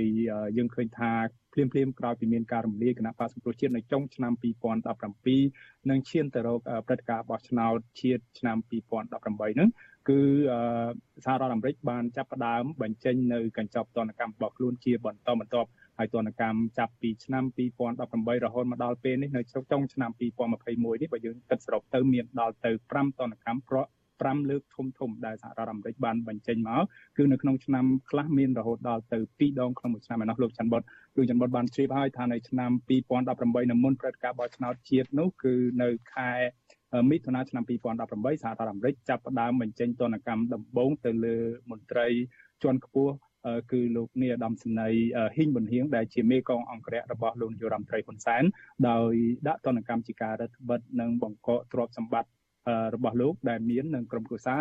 ដែលមានអាចមានឬក៏ក្រុមហ៊ុនមិនអនុញ្ញាតឲ្យក្រុមហ៊ុនអាមេរិកធ្វើការពាក់ព័ន្ធជាមួយអីជាដើមបាទបន្ទាប់មកទៀតហ្នឹងគឺមួយឆ្នាំក្រោយមកគឺនៅចំទិវាប្រយុទ្ធប្រឆាំងនឹងអំពើពុករលួយតែម្ដងគឺនៅថ្ងៃទី9ខែធ្នូឆ្នាំ2019ក្រោយពីសភាពការនៅកម្ពុជាមិនមានការប្រែប្រួលមានការរៀបចំព្រឹត្តិការណ៍ដោយសហគមន៍ជាតិនិងអន្តរជាតិចាត់ប្រកាន់ថាជាការបោះឆ្នោតគ្រាន់តែជាការបង្ក្រប់កិច្ចឬខ្លាំងខ្លាយអីជាដើមហ្នឹង ក៏សហរដ្ឋអាមេរិកប្រកាសដាក់ទណ្ឌកម្មទៅលើនាយឧត្តមសេនីយ៍គុណគឹមដែលជាអនុប្រធានទី1នៃគណៈកម្មាធិការជាតិគ្រប់គ្រងគ្រោះមហន្តរាយនិងក្រុមគ្រួសាររបស់លោកនិងក្រុមហ៊ុនរបស់លោកមួយចំនួនផងហើយនឹងអង្គញាមួយទៀតគឺខាងផ្នែកជួញដូរព្រៃឈើដែលគេសង្ស័យថាជាឈ្មោះជួញដូរឈើដ៏សម្បើមនៅកម្ពុជានេះឈ្មោះត្រីភិបបាទទណ្ឌកម្មមិនទាន់បញ្ចប់ត្រឹមនេះទេគឺនៅឆ្នាំបន្ទាប់ទៀតនៅឆ្នាំ2020ចំទិវាប្រជាធិបតេយ្យអន្តរជាតិសហរដ្ឋអាមេរិកក៏ដាក់ទណ្ឌកម្ម មួយទៀតទៅលើនៅខែកញ្ញាឆ្នាំ2020គឺដាក់ទៅលើក្រុមហ៊ុនចិនតែម្ដងពេលនោះគឺក្រុមហ៊ុនចិនឈ្មោះ UDG ដែលក្រុមហ៊ុននេះមានទំនាក់ទំនងសង្ស័យថាជាក្រុមហ៊ុនធ្វើការឲ្យរដ្ឋអំណាចចិន ហើយក្រុមហ៊ុននេះបានពាក់ព័ន្ធនៅគម្រោងវិនិយោគជាច្រើននៅក្នុងខេត្តកោះកុងនៅតំបន់តារាសាគរនឹងជាប់សង្ស័យថាបានរំលោភសិទ្ធិមនុស្សតាមរយៈការបណ្ដេញពលរដ្ឋដោយបង្ខំរឹបអូសដីធ្លីនិងរំលោភសិទ្ធិមនុស្សឬក៏ប្រព្រឹត្តអំពើពុករលួយជាមួយនឹងនាយឧត្តមសេនីយ៍ក្រាក់ក្រាក់នៅកម្ពុជានោះបាទហើយឈានមកដល់ឆ្នាំ2021ចុងក្រោយនេះយើងឃើញថាទណ្ឌកម្មដល់ទៅ2ឯណោះដែលសហរដ្ឋអាមេរិកបានសម្រេចដាក់គឺទី1នៅក្នុងខែវិច្ឆិកាកន្លងទៅនេះ គឺសហរដ្ឋអាមេរិកបានដាក់ទណ្ឌកម្មបង្កកទ្រព្យសម្បត្តិនិងរដ្ឋបិទទឹកការលើមន្ត្រីយោធាខ្ពស់ពីរនាក់នៅកម្ពុជាក្នុងនោះគឺមានលោកចៅពិរមនាយឧត្តមស្នេហ៍ចៅពិរុនលោកជានាយកនៃអគ្គនាយកដ្ឋានសម្ភារៈបច្ចេកទេសនៃក្រសួងការពារជាតិហើយម្នាក់ទៀតហ្នឹងគឺប្រកាសណាស់គឺលោកទីវិញនាយឧត្តមនាវីទីវិញដែលលោកគឺជាអគ្គមេបញ្ជាការកងយុទ្ធពលខេមរៈមេបញ្ជាការរងកងយុទ្ធពលខេមរៈភូមិន្ទហើយនឹងជាអគ្គមេបញ្ជាការកងទ័ពជើង ជើងទឹកនោះបាទបាទហើយចុងក្រោយបំផុតអ្វីដែលគួរចាប់អារម្មណ៍ហ្នឹងគឺទណ្ឌកម្មបានឈានរហូតដល់សហរដ្ឋអាមេរិកបានដាក់ទៅលើវិស័យយោធានៅកម្ពុជាតែម្ដង ដែលហៅថាជាការរឹតបន្តឹងការលក់សម្ភារៈយោធាឬក៏អាវុធឲ្យកម្ពុជា ដែលទណ្ឌកម្មនេះបានចាប់ផ្ដើមធ្វើឡើងដោយក្រសួងពាណិជ្ជកម្មរបស់អាមេរិកក្រោមការិយាល័យឧស្សាហកម្មនិងសន្តិសុខរបស់ខ្លួនខុសពីលើកមុនមុនដែលក្រសួងរដ្ឋាភិបាលអាមេរិកជាអ្នកធ្វើបាទ បាទដូច្នេះអឺជាទនកម្មនឹងមានលក្ខណៈជាទនកម្មបុគ្គលផងបើរៀបរាប់ដោយត្រួសត្រាសទៅគឺថាមានដាក់ទៅលើលោកហ៊ីងប៊ុនហៀងបន្ទាប់មកទៀតនឹងគឺទ្រីភិបគុណគឹមហើយក្រោយមកទៀតនេះមានលោកទាវិញហើយនិងលោកចៅភិរុនក៏ប៉ុន្តែគ្រួសារលោកហ៊ុនសែនអីមិនទាន់ទេគឺមានតែប្រមាណអ្នកនឹងទេក្រៅពីនឹងមានក្រុមហ៊ុនចិនមួយឈ្មោះ UDG គឺ Union Development Group នឹងឥឡូវនេះអាចុងក្រោយផុតនេះគឺនៅថ្ងៃទី8ខែធ្នូនេះ ការដាក់ទណ្ឌកម្មផ្នែកយោធារដ្ឋបិទការលក់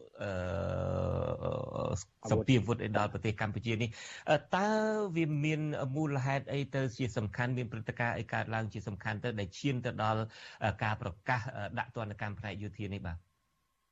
បាទត្រឹមត្រូវណាស់លោកច័ន្ទបុតមុននឹងឈានទៅដល់ការសម្រេចដាក់ទណ្ឌកម្មផ្នែកយោធាជារួមទៅលើថាការមិនលក់អាវុធឲ្យកម្ពុជាហ្នឹងយើងឃើញថាកន្លងមកហ្នឹងក្រោយព្រឹត្តិការណ៍បោះឆ្នោតឆ្នាំ2018សហរដ្ឋអាមេរិកក៏បានក្នុងចំណោមអ្នកធ្វើគោលនយោបាយនៅទីក្រុងនៅរដ្ឋធានី Washington សហរដ្ឋអាមេរិកនេះគឺមានការលើកឡើងជាច្រើនណាស់ទាក់ទងនឹងថាមានស្នើឲ្យមានសេចក្តីស្នើស្នើច្បាប់ជាបន្តបន្ទាប់ ដើម្បីដាក់ទណ្ឌកម្មលើកម្ពុជាក្នុងនោះក៏មានសេចក្តីស្នើច្បាប់ស្តីពីប្រជាធិបតេយ្យកម្ពុជាសេចក្តីស្នើច្បាប់ស្តីពីប្រជាធិបតេយ្យនិងសិទ្ធិមនុស្សនៅកម្ពុជាអីដែលបច្ចុប្បន្នកំពុងតែស្ថិតនៅក្នុងកណ្ដាប់នៅក្នុងដៃរបស់រដ្ឋាភិបាលឬក៏ព្រឹទ្ធពីអាមេរិកនៅឡើយដែលមិនទាន់ចេញនៅឡើយប៉ុន្តែមុននឹងឈានដល់ការដាក់ទណ្ឌកម្មលើវិស័យយោធានេះយើងឃើញថា ព្រឹត្តិការណ៍សំខាន់សំខាន់ចំនួន2ទាក់ទងទៅនឹងទំនាក់ទំនងរវាងកម្ពុជានិងសហរដ្ឋអាមេរិកនេះបានកើតឡើងនៅកម្ពុជាគឺទី1នេះគឺដំណើរទស្សនកិច្ចជាន់ខ្ពស់របស់មន្ត្រីជាន់ខ្ពស់សហរដ្ឋអាមេរិកមកកាន់កម្ពុជាកាលពីខែមិថុនាហ្នឹងគឺអនុរដ្ឋមន្ត្រីការបរទេសអាមេរិកអ្នកស្រី Wendy Sherman បានមកបំពេញទស្សនកិច្ចជាលើកដំបូងនៅកម្ពុជានេះគឺជាដំណើរទស្សនកិច្ចជាន់ខ្ពស់ដំបូងមួយនៅកម្ពុជាមិនធ្លាប់មាន នៅក្នុងរយៈពេលកន្លះទសវត្សរ៍គឺចាប់តាំងពីឆ្នាំ2016មកដែលកាលនោះយើងឃើញថាមានដំណើរទស្សនកិច្ចរបស់អតីតរដ្ឋមន្ត្រីការបរទេសអាមេរិកគឺលោក John Kerry មកកាន់កម្ពុជាក្រោមរដ្ឋបាលរបស់លោកប្រធានាធិបតី Barack Obama បាទអញ្ចឹងដំណើរទស្សនកិច្ចជាន់ខ្ពស់របស់អ្នកស្រី Wendy Sherman មកកាន់កម្ពុជានៅខែមិថុនាឆ្នាំ2021នេះ កត់សម្គាល់តាមរយៈការសង្កេតឃើញនៅការដែលការដែលសហរដ្ឋអាមេរិកនឹងបានបង្ហាញនៅក្តីបារម្ភសំខាន់សំខាន់មួយចំនួនជាពិសេសទាក់ទងទៅនឹងការធ្លាក់ចុះបញ្ហាលទ្ធិប្រជាធិបតេយ្យបញ្ហាសិទ្ធិមនុស្ស ហើយអ្វីដែលគេចាប់អារម្មណ៍ខ្លាំងជាងគេនោះគឺសហរដ្ឋអាមេរិកបាននិយាយត្រង់ត្រង់អំពីកង្វល់របស់ខ្លួនជាចម្បងតែម្ដងគឺបញ្ហាសង្ស័យអំពីវត្តមានយោធារបស់ចិននៅកំពង់ផែកងទ័ពជើងទឹករៀមនៅឯទីក្រុងព្រះសីហនុឬខេត្តព្រះសីហនុនោះឯងបាទសហរដ្ឋអាមេរិកនៅពេលនោះតាមរយៈអ្នកស្រី Wendy Sherman ហ្នឹងបានស្នើសុំភាគីកម្ពុជាអនុញ្ញាតឲ្យអនុព័ន្ធយោធាអាមេរិកចូលទៅ ធ្វើទស្សនកិច្ចនៅកំពង់ផែកងទ័ពជើងទឹករៀមហ្នឹងដើម្បីបញ្ចប់ការសង្ស័យឬមន្ទិលណាមួយអំពីវត្តមាននិងសកម្មភាពយោធាចិននៅទីនោះដែលសហរដ្ឋអាមេរិកធ្វើការចាត់ប្រកាន់ បាទទន្ទឹមនឹងនោះគឺកម្ពុជាបានបដិសេធជារឿយៗថារឿងនេះជារឿងមិនពិតជារឿងព័ត៌មានខ្លាំងខ្លាយអីជាដើមហើយក៏មានការអនុញ្ញាតឲ្យមានដំណើរទស្សនកិច្ចនេះឡើងក៏ប៉ុន្តែភាគីមន្ត្រីអនុព័ន្ធយោធាសហរដ្ឋអាមេរិកប្រចាំស្ថានទូតសហរដ្ឋអាមេរិកនៅកម្ពុជានឹងបានសម្រេចបិទបញ្ចប់ដំណើរទស្សនកិច្ចរបស់ខ្លួនដោយអះអាងថាភាគីកម្ពុជានឹងបានលាក់បាំងព្យាយាមលាក់បាំងមិនឲ្យខ្លួនចូលទៅមើលនៅតំបន់កន្លែងដែលគេសង្ស័យនោះ។ បាទនេះហើយគឺក្រោយដំណើរទស្សនកិច្ចរបស់អ្នកស្រី Wendy Sherman ដែលជាអនុរដ្ឋមន្ត្រីការបរទេសអាមេរិកទៅកម្ពុជាពេលនោះឯងដែលប្រហែលខែក្រោយមកទៀតហ្នឹងនៅក្រោយដំណើរទស្សនកិច្ចរបស់អ្នកស្រីគឺក្រសួងរដ្ឋាភិបាលអាមេរិកបានបញ្ចេញទណ្ឌកម្មដាក់លើមន្ត្រីយោធាកម្ពុជាពីររូបគឺនាយឧត្តមសេនីយ៍ចៅពិរុននិងនាយឧត្តមនាវីទាវិញដែលពាក់ព័ន្ធទៅនឹងដែលពួកលោកនឹងសហរដ្ឋអាមេរិកថាពាក់ព័ន្ធទៅនឹងការប្រព្រឹត្តអំពើពុករលួយធ្ងន់ធ្ងរ អំពើពុករលួយធ្ងន់ធ្ងរនេះគឺមាននៅក្នុងគម្រោងការកែលម្អឬដែលភាគីកម្ពុជាថាជាគម្រោងការធ្វើទំនើបកម្មកំពង់ផែកងទ័ពជើងទឹករៀមមានការរំលាយអាគារឬក៏ទីតាំងរបស់សហរដ្ឋអាមេរិកដែលធ្លាប់ជួយនៅទីនោះហ្នឹងគឺមានការវាកំទេចចោលអីជាដើមហើយរឹករុះរើទៅកាន់ទីតាំងថ្មី ជាដើមបាទនេះហើយជាបញ្ហាដែលនាំឲ្យមកដល់ចុងក្រោយនេះគឺនៅចុងឆ្នាំ2021នេះតែម្ដងគឺយើងឃើញថានៅ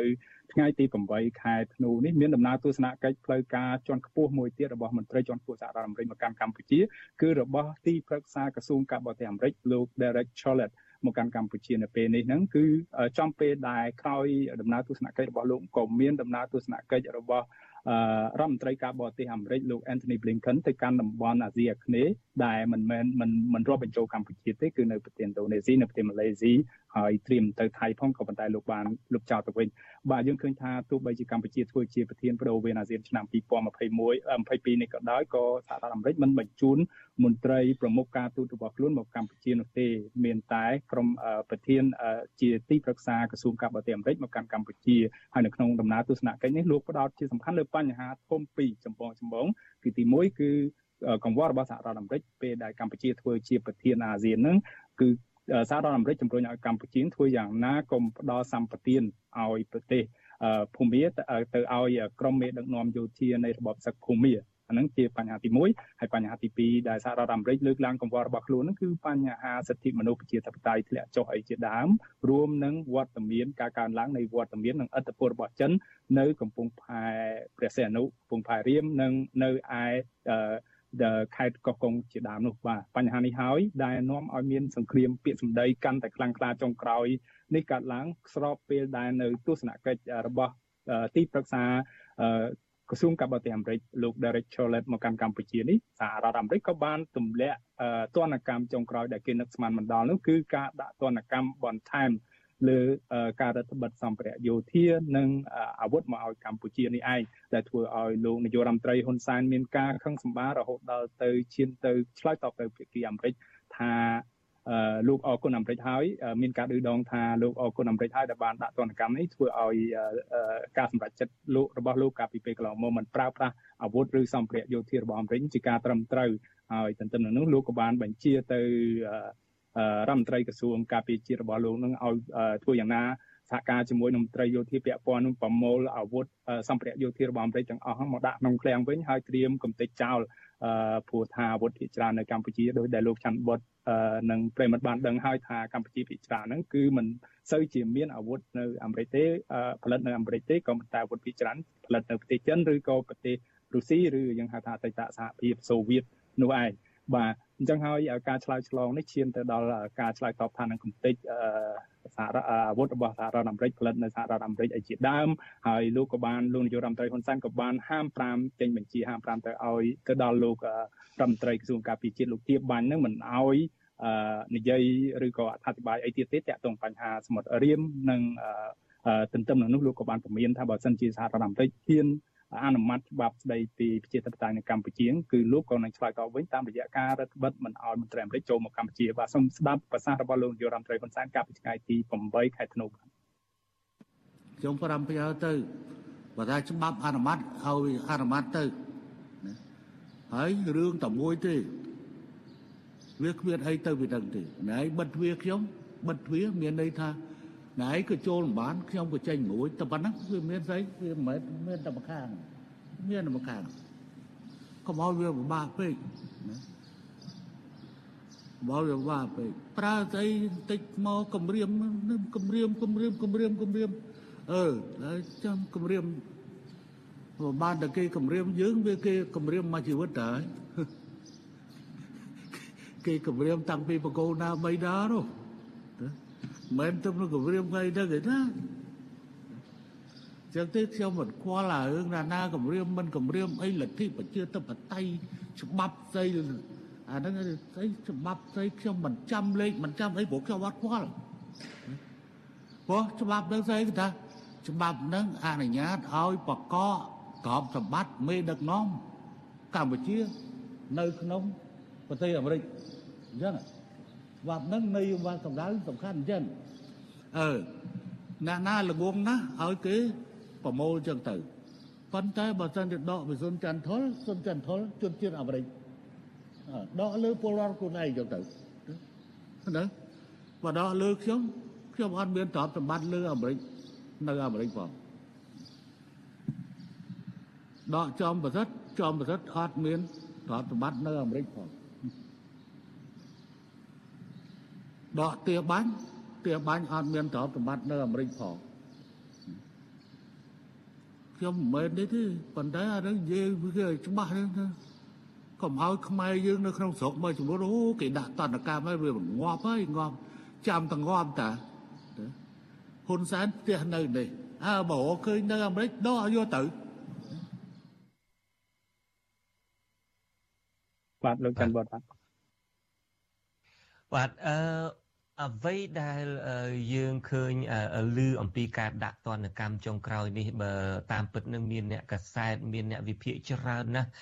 បានសរសេរថាការដាក់ទណ្ឌកម្មចុងក្រោយនេះធ្វើត្បិតតែ ដាក់ទណ្ឌកម្មថាមិនអនុញ្ញាតឲ្យមានការជួញដូរមិនមានការនាំចេញសម្ភារៈបរិខាយោធាអីក៏ដោយក៏ប៉ុន្តែមានពាក្យជាកលឹះមួយដែលជាភាសាអង់គ្លេសលោកមានរិទ្ធប្រហែលជាបានឃើញគេដាក់ថា dual use មានន័យថាអ្វីដែលប្រើប្រាស់បានពីរយ៉ាង មិនមែនចាំបាច់ថាការដែលដាក់ទណ្ឌកម្មនេះគឺដាក់ទណ្ឌកម្មតែ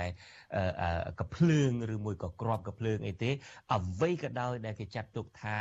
អាចប្រើប្រាស់ក្នុងវិស័យយោធាបានក៏គេមិនអនុញ្ញាតឲ្យមានការនាំចេញទៅប្រទេសកម្ពុជាដែរដូច្នេះវាអាចមានការបកស្រាយវាអាចមានវិសាលភាពនឹងទូលាយជាងគ្រាន់តែថាជាអាវុធយុទ្ធភ័ណ្ឌនោះតែប៉ុណ្ណឹងគឺអាពាក្យ dual use នេះគឺជាការប្រើប្រាស់បានពីរយ៉ាងនេះគឺជាការសំខាន់ឧបមាថាបើសិនជាទូរស័ព្ទបាទឧបមាថាបើទូរស័ព្ទ ទូរស័ព្ទនឹងអាចប្រើប្រាស់ក្នុងការតាក់ទងលើវិស័យយោធាបានតើបើសិនជាគេបកស្រាយថាទូរស័ព្ទនេះมันអាចយកចេញទៅបានទេมันអាចនាំធ្វើពាណិជ្ជកម្មនាំចេញនាំអីទៅប្រទេសកម្ពុជាបានទេអានឹងក៏មានការប៉ះពាល់ធ្ងន់ណាស់ក្នុងការដែលដាក់ទណ្ឌកម្មនេះអញ្ចឹងហើយបានយើងឃើញថាការដាក់ទណ្ឌកម្មនេះប្រកាសចេញដោយក្រសួងពាណិជ្ជកម្មទៅវិញប៉ុន្តែសំណួរបន្ទាប់របស់ខ្ញុំកន្លែងកន្លែងកន្លែងនេះខ្ញុំសូមកាត់សូមទៅលោកច័ន្ទបុតសូមកាត់កន្លែងនេះបន្តិចអញ្ចឹងហើយបាន ជាធ្វើឲ្យភាគីចិននៃប្រទេសចិនមានការខឹងសម្បាខ្លាំងរហូតដល់ចេញសេចក្តីថ្លែងការណ៍ឆ្លើយតបរឿងដែលអាមេរិកដាក់ទណ្ឌកម្មលើវិស័យយោធាលើការរដ្ឋបិទអាវុធសម្ភារៈយោធាដល់កម្ពុជាចេញសេចក្តីថ្លែងការណ៍ចោទអាមេរិកទៅវិញហ្នឹងថាអាមេរិកហ្នឹងអ្នកនាំពាក្យក្រសួងការបរទេសចិននៅទីក្រុងប៉េកាំងហ្នឹងថាអាមេរិកហ្នឹងបានធ្វើការជាការ ព្យាយាមធ្វើឲ្យសំអុយឈ្មោះដល់តំណែងតំណងរវាងកម្ពុជានិងចិនហើយព្យាយាមលៀបពណ៌ដល់តំណែងតំណងនោះហើយថាចោតអាមេរិកថាប្រើអំណាចគៀបសង្កត់មកលើកម្ពុជាដែលជាប្រទេសតូចតាចអីជាដើម បាទបាទលោកនាងកញ្ញាជាទីមេត្រីនាពេលបន្តិចទៀតនេះយើងនឹងបានលើការវិភាគរបស់អ្នកវិភាគពីររូបគឺលោកបណ្ឌិតមាសនេះនិងលោកសាស្ត្រាចារ្យអែមសវណ្ណារាក៏ប៉ុន្តែខ្ញុំបាទមានសំណួរពីរទៀតដើម្បីផ្ដល់ជូនអ្នកយកព័ត៌មានរបស់អាស៊ីសេរីដើម្បីរាយការណ៍ជូននៅព្រឹត្តិការណ៍មួយចំនួនពាក់ព័ន្ធទៅនឹងប្រធានបទដែលយើងនឹងពិភាក្សានាពេលបន្តិចទៀតនេះលោកមានរិទ្ធតើកត្តាអ្វីខ្លះដែលសហរដ្ឋអាមេរិកលើកយកមកជាសំអាងដើម្បីយកដាក់ទណ្ឌកម្មដល់ប្រទេសកម្ពុជានេះបាទបាទអរគុណលោកច័ន្ទបុតយើងដោយដែលយើងបានជ្រាបហើយដំបូងឡើងអ្វីដែលគេដឹងហ្នឹងគឺថាបញ្ហាធ្លាក់ចុះលទ្ធិប្រជាធិបតេយ្យការបោះឆ្នោតคล้ายคล้ายមិនមានការបោះឆ្នោតពិតប្រាកដស្របតាមបែបប្រជាធិបតេយ្យ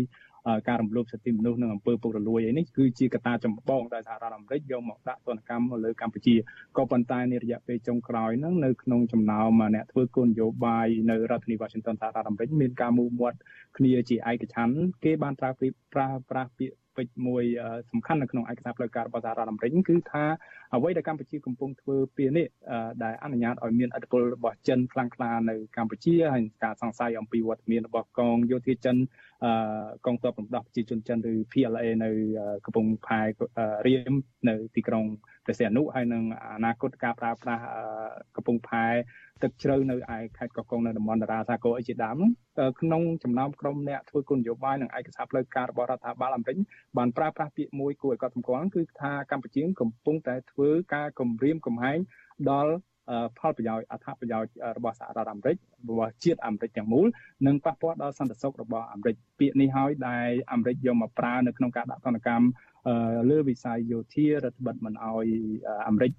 ផ្ដល់សពាវុធអីឲ្យកម្ពុជា ជាដើមនោះ បាទហើយលោកច័ន្ទបុតឬក៏ប្រិមិត្តអ្នកតាមដានវិទ្យុស៊ីសេរីអាចឆ្ងល់ថាកម្ពុជានៅចម្ងាយមេឃពី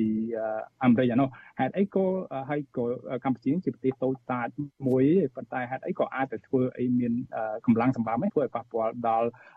ផលប្រយោជន៍របស់សហរដ្ឋអាមេរិកឬក៏ធ្វើឲ្យប៉ះពាល់ដល់សន្តិសុខជាតិរបស់អាមេរិកណាបាទចម្ងល់នេះគឺត្រឹមត្រូវហើយក៏ប៉ុន្តែនៅក្នុងគោលនយោបាយការបរទេសរបស់អាមេរិកគឺអាមេរិកបានផ្ដោតយ៉ាងសំខាន់គឺនៅក្នុងឯកសារផ្លូវការដែលវាដែលដែលបានវាតម្លៃអំពីហានិភ័យនៃសន្តិសុខជាតិអាមេរិកហ្នឹងគឺគេបានលើកឡើងហើយនៅក្នុងឯកសាររបស់ការិយាល័យនាយកកិច្ចការសម្ងាត់ជាតិរបស់អាមេរិកដែលជាបណ្ដុំអង្គការភ្នាក់ងារចារកម្ម ឬភ្នាក់ងារកិច្ចការសម្ងាត់ធំធំរបស់អាមេរិកសរុប18ស្ថាប័នជាងហ្នឹងគឺគេបានវិតម្លៃថាចិនគឺជាហេតុផលចម្បងមួយដែលបង្កផលប៉ះពាល់ជាការគំរាមកំហែងដល់សន្តិសុខអនាគតផលប្រយោជន៍របស់អាមេរិកនេះហើយដែលមានន័យថាកម្ពុជាចូលរួមចូលដៃចូលជើងជួយធ្វើការជាមួយចិនកាន់តែខ្លាំងក៏ប៉ះពាល់ដល់សហរដ្ឋអាមេរិកដែរបាទខ្ញុំសូមរំលឹកសាវតាបន្តិចជុំវិញរឿងនេះយើងឃើញថាចាប់តាំងពីមានការព្រឹត្តិការណ៍បោះឆ្នោត ឆ្នាំ2018មកសហរដ្ឋអាមេរិកបានចាប់ផ្ដើមប្រើប្រាស់ពាក្យពេចន៍នៃថាកម្ពុជាខ្លាចជាការគំរាមកំហែងដល់សន្តិសុខជាតិនិងផលប្រយោជន៍ជាតិរបស់អាមេរិកហ្នឹងជាលើកដំបូងនៅឆ្នាំ2018នៅក្នុងឯកសាររបស់នាយកកិច្ចការសម្ងាត់ការិយាល័យកិច្ចការសម្ងាត់របស់ខ្លួនដែលមានរួមមានភ្នាក់ងារ CIA របស់សហរដ្ឋអាមេរិកផងនោះគឺគេលើក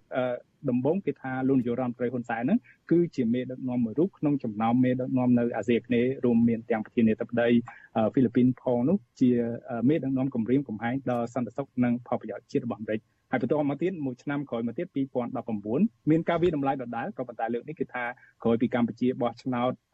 ឯកបៈជាប់ជាឯកបៈដោយគណៈបកកណ្ដាលអំណាចមកនៅគ្រប់គ្រងសភាទាំងមូលបានហើយនិងព្រឹទ្ធសភាបានហើយហ្នឹងគេថាកម្ពុជាហ្នឹងក៏អាចមានផែនការណាមួយហ្នឹងទៅកែរដ្ឋធម្មនុញ្ញអនុញ្ញាតឲ្យមានវត្តមានកងទ័ពចិននៅកម្ពុជាជាដើមហើយចុងក្រោយបំផុតហ្នឹងបានសហរដ្ឋអាមេរិកឈានទៅដល់ការដាក់ទណ្ឌកម្ម ពីពីសំណាក់ក្រសួងពាណិជ្ជកម្មរបស់អាមេរិកនិងក្រសួងការបរទេសអាមេរិកលើសម្ភារៈយោធារដ្ឋបិទមិនឲ្យលក់អីមកកម្ពុជារួមនឹងសេចក្តីស្នើច្បាប់មួយចំនួនហ្នឹងក៏មានចែងយ៉ាងសំខាន់ទៅលើបញ្ហាវត្តមានចិននៅកម្ពុជានេះដែរដែលតម្រូវឲ្យសហរដ្ឋអាមេរិកត្រូវតែរាយការណ៍ប្រធានាធិបតីអាមេរិកត្រូវតែរាយការណ៍ប្រាប់រដ្ឋសភាប្រាប់ពលរដ្ឋអាមេរិកការឲ្យដឹងអំពីបញ្ហារបស់កម្ពុជាជាមួយចិនហ្នឹងពីវត្តមានហ្នឹងកើនឡើងដល់ណាអធិពលកើនឡើងដល់ណាតំណែងហ្នឹងមានអ្វីជាពិសេសនៅពីក្រោយហ្នឹង ហើយអ្វីដែលអាមេរិកចង់បានសំខាន់ហ្នឹងទាល់តែមានដំណោះស្រាយរឿងចិននេះទើបគេសុខចិត្តអាចថាបង្កើនជំនួយផ្ដល់ជំនួយបន្ថែមអីហ្នឹងគឺមានការកំណត់ជាក់លាក់ណាស់នៅក្នុងឯកសារផ្លូវការរបស់គេលោកច័ន្ទបុតបាទជាពិសេសនៅក្នុងសេចក្តីស្នើច្បាប់ដាក់ទណ្ឌកម្មកម្ពុជានេះតែម្ដងនៅឆ្នាំ2021និងសេចក្តីស្នើច្បាប់ប្រជាធិបតេយ្យនិងសិទ្ធិមនុស្សនេះឯងបាទ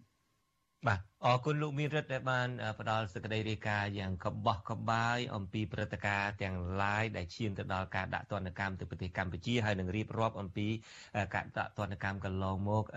របស់សហរដ្ឋអាមេរិកមកទល់នឹងពេលនេះដល់កម្ពុជាឥឡូវនេះសូមលាលោកមានរិទ្ធតែត្រឹមនឹងសិនដើម្បីផ្ដល់ឱកាសជូនលោកវាគ្មិនទាំងពីររូបការពិតតែមួយរូបទេពេលនេះពីព្រោះថាយើងតាក់ទងលោកអែមសវណ្ណរាតាក់ទងបានហើយក៏ដាច់ទៅវិញក៏ប៉ុន្តែយ៉ាងណាក៏ដោយចុះយើងមានលោកបណ្ឌិតមាសនេះបានភ្ជាប់ជាមួយយើងតាមប្រព័ន្ធវីដេអូ Skype លោកបណ្ឌិតមាសនេះតើយើងគួរខ្វល់ទេកម្ពុជាប្រជាពលរដ្ឋកម្ពុជាប្រទេសជាតិកម្ពុជាគួរខ្វល់ទេចំពោះការដាក់ទណ្ឌកម្មរបស់សហរដ្ឋអាមេរិកនេះស្វ័យត្បិតតែលោកនាយករដ្ឋមន្ត្រីហ៊ុនសែនថាគាត់មិនខ្វល់យ៉ាងណាក៏ដោយចុះ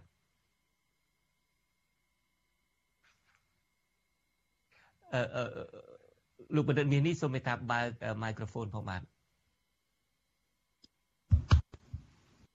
បាទសូមជម្រាបសួរលោកជិនយ៉ាងវត្តបាទទទួលនឹងបានច្បាស់បាទដល់បាទជម្រាបសួរបាទបាទអឺបើសិនជាយើងមើលអំពីពាក្យថាតនកម្មអឺ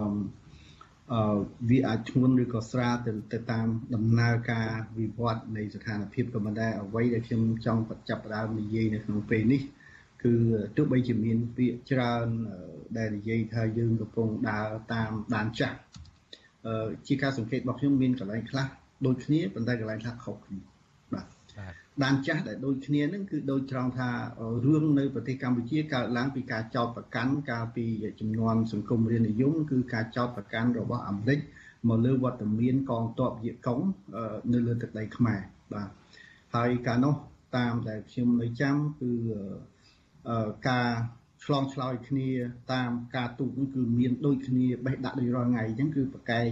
ចុះឡើងអញ្ចឹងទៅមួយថាមានមួយថាអត់អញ្ចឹងទៅក៏ប៉ុន្តែទីចុងបំផុតនៅក្នុងឆ្នាំ1965គឺសហរដ្ឋអាមេរិកបានហើយនឹងកម្ពុជាបានផ្ដាច់ចំណងការទូតគ្នាទាំងស្រុងបាទនៅពេលនោះគឺកម្ពុជាបានត្រូវសេដ្ឋកិច្ចនៃកម្ពុជាបានត្រូវធ្លាក់ចុះ គឺជំនួយប្រមាណជា480លានដុល្លារនៅក្នុងមួយឆ្នាំហើយជំនួយយោធាប្រមាណជាជាង50លានឬក៏80លានដុល្លារក្នុងមួយឆ្នាំគឺក៏ត្រូវកាត់ផ្ដាច់ទាំងអស់ពេលនោះគឺសេដ្ឋកិច្ចកម្ពុជាគឺធ្លាក់ធ្លាក់ធ្ងន់មែនទែនបាទធ្លាក់នៅក្នុងនោះគឺយើងឃើញមានដែលដូចគ្នាហ្នឹងគឺត្រង់ថាពេលនោះគឺកម្ពុជាចាប់ផ្ដើមលែងលែងមានទំនាក់ទំនងអីជាមួយមហាអំណាចពិសេសអាមេរិកហ្នឹងគឺងាកទៅរកចិនបាទ នៅក្នុងដំណើរការនោះគឺដែលខ្ញុំនិយាយដូចគ្នាគឺដូចគ្នាត្រង់ថាពីមុនមានការចោទប្រកាន់ទៅលើវត្តមានកងទ័ពវៀតណាមប៉ុន្តែឥឡូវនេះគឺមានការចោទប្រកាន់មកលើវត្តមានកងទ័ពចិនបាទហើយកាលពីសម័យឆ្នាំ64 65ពេលនោះគឺរដ្ឋាភិបាលកម្ពុជាខំការពារណាបាទការពារមិនថាមិនមានមិនអីចឹងណាប៉ុន្តែទីចុងផុតរឿងហ្នឹងក៏លាក់លែងចិត្តទៅរហូតដល់មានការ អនុញ្ញាតឲ្យចិននឹងដឹកអាវុធកាត់កម្ពុជាយកទៅចិញ្ចឹមកងទ័ពយេកុងដែលប្រយុទ្ធជាមួយនឹងវៀតណាមក្នុងត្បូងបាទហើយតាមនោះគឺរបាយការណ៍មួយដែល CIA បានរកឃើញក្រោយមកទៀតគឺ CIA មានការខកចិត្តតាមក្នុងសុភៅណាខកចិត្តត្រង់ថាកាលពីសង្គ្រាមវៀតណាម គឺសហរដ្ឋអាមេរិកបានចំណាយធនធានទាំងក្របបែកទាំងអីប្រមាណ ប្រហែលជា80%ដើម្បីគ្រប់គ្រងផ្លូវដឹកជញ្ជូនហូជីមិញបាទប៉ុន្តែក្រោយមកគេរកឃើញថា72%នៃគ្រឿងឧបករណ៍យោធាទាំងអស់គឺដឹកកាត់ប្រទេសកម្ពុជានឹងទៅកាន់បែកខាងកើតនៃប្រទេសកម្ពុជាទៅឲ្យពួកយាកុកនឹងឯងបាទរឿងដែលខុសគ្នាត្រង់ថាកាលនោះសម្ដេចស៊ីនុមិនទាន់មានតំណាក់តំណងខ្លាំងជាមួយនឹងចិនទេ គឺនៅពេលដែលសហរដ្ឋអាមេរិកកាត់ ធ្វើដាក់ទណ្ឌកម្មបានផ្ដាច់ជំនួយហើយផ្ដាច់ចំណងការទូតហើយបានសម្ដេចស៊ីនុចាប់ផ្ដើមទៅពឹងទៅចិនវិញបាទក៏ប៉ុន្តែម្ដងនេះយើងឃើញថារដ្ឋាភិបាលកម្ពុជាបច្ចុប្បន្នគឺតាក់ទងចិននឹងមុនបាទអត្ថន័យដែលឃើញថាខុសគ្នាអញ្ចឹងលទ្ធផលវាអាចដូចគ្នាឬក៏លទ្ធផលវាអាចនឹងខុសគ្នាក៏ប៉ុន្តែបើយើងមើលអំពីវោហាស័ព្ទ នៃការយើងហៅថាឆ្លើយតបគ្នានឹងគឺខ្ញុំស្ដាប់ទៅគឺស្តៀងគ្នានឹងកាលពីចំនួនរដ្ឋាភិបាលសង្គមរាជនិយមដែរអឺគឺពេលនោះគឺមានការប្រមាថរហូតដល់ផ្ដាច់ការទូតប៉ុន្តែទីចុងផុតសហរដ្ឋអាមេរិកក៏ផ្ដាច់ចំណងការទូតនឹងមែនទែនទៅបាទរឿងដែលដូចគ្នាមួយទៀតគឺដូចត្រង់ថាអឺទាំងពេលនោះទាំងពេលនេះយើងឃើញថាកម្ពុជាបានចាប់រអិលចូលទៅក្នុងអឺយើងហៅថា ដៃគូនៅក្នុងសង្គ្រាមត្រជាក់នឹងឡើងវិញដោយសារតែអឺកាលនោះសម្ដេចនៅក្នុងចំនួនសង្គមរាជនិយមកម្ពុជាអត់មានជំរើសគឺត្រូវតែទៅពឹងចិនហើយនៅពេលនេះក៏យើងឃើញថាដំណើរនៃការវិវត្តបន្តិចបន្តបន្តិចម្ដងនេះអឺវាអាចនឹងធ្វើឲ្យកម្ពុជានឹងគឺมันមានជំរើសអីផ្សេងក្រៅពីរឿងទៅផ្អែកកាន់តែច្រើនឡើងច្រើនឡើងទៅនឹងជាមួយចិនទេបាទនេះជា ខ្ញុំគិតថាវាជាយុទ្ធសាស្ត្រមួយដែលនេះខ្ញុំលោកបណ្ឌិតនេះខ្ញុំសូមកាត់ប្រសាសន៍លោកបណ្ឌិតតិចដែលហេតុថាខ្ញុំដល់វេលាដែលត្រូវជម្រាបលាលោកដែលស្ដាប់ដែលស្ដាប់តាមវិទ្យុរលកធាតុអាកាសខ្លីខ្ញុំបាទសូមគោរពលាតែត្រឹមនេះចំពោះលោកអ្នកនាងដែលតាមដានស្ដាប់ការផ្សាយរបស់យើងបាទតាមបណ្ដាញសង្គម Facebook និង YouTube កិច្ចពិភាក្សារបស់យើងនឹងបន្តទៅទៀតបាទសូមអញ្ជើញលោកបណ្ឌិតមាសនេះបាទ បាទសូមអរគុណលោកជួនច័ន្ទវត្តបាទហើយនៅពេលដំបូងដំបូងនៃការបកកែកតតាំងគ្នានឹងគឺព័ត៌មានដែលធ្លាយចេញមកហ្នឹងគឺបញ្ញវន្តហ្នឹងអ្នកដឹងមុនគេបាទបញ្ញវន្តហ្នឹងដឹងថាវាមានការតកឡងគេហៅតកឡងនៅក្រោមតកអីកាលនោះនៅក្នុងសភៅមួយនិយាយបានថា រដ្ឋាភិបាលសង្គមរាជនិយមបានបញ្ជូនលោកសេនាប្រមុខលន់នល់ហ្នឹងគឺទៅឲ្យចុះហត្ថលេខាក្នុងការដឹកជញ្ជូនអាវុធហ្នឹងកាត់ទីក្រុងកំពង់សោមហ្នឹងមកចិញ្ចឹមពួកយាកុងនៅក្នុងការរំដោះវៀតណាមដំបូងបាទទៅនេះហើយដែលជាបញ្ហាមួយដែលខ្ញុំតែងតែប្រកាន់ថាខ្ញុំមិនអរគុណវៀតណាមទេប៉ុន្តែខ្ញុំចង់ឲ្យវៀតណាមទៅអរគុណកម្ពុជាវិញព្រោះខ្ញុំក៏រស់នៅទឹកដីប៉ែកខាងកើតដែរនេះជាសំខាន់មួយអឺ ដូចរឿងខុសគ្នាដែលខ្ញុំនិយាយមិញត្រង់ថាកាលនៅក្នុងសម័យសង្គមរាជនិយមគឺ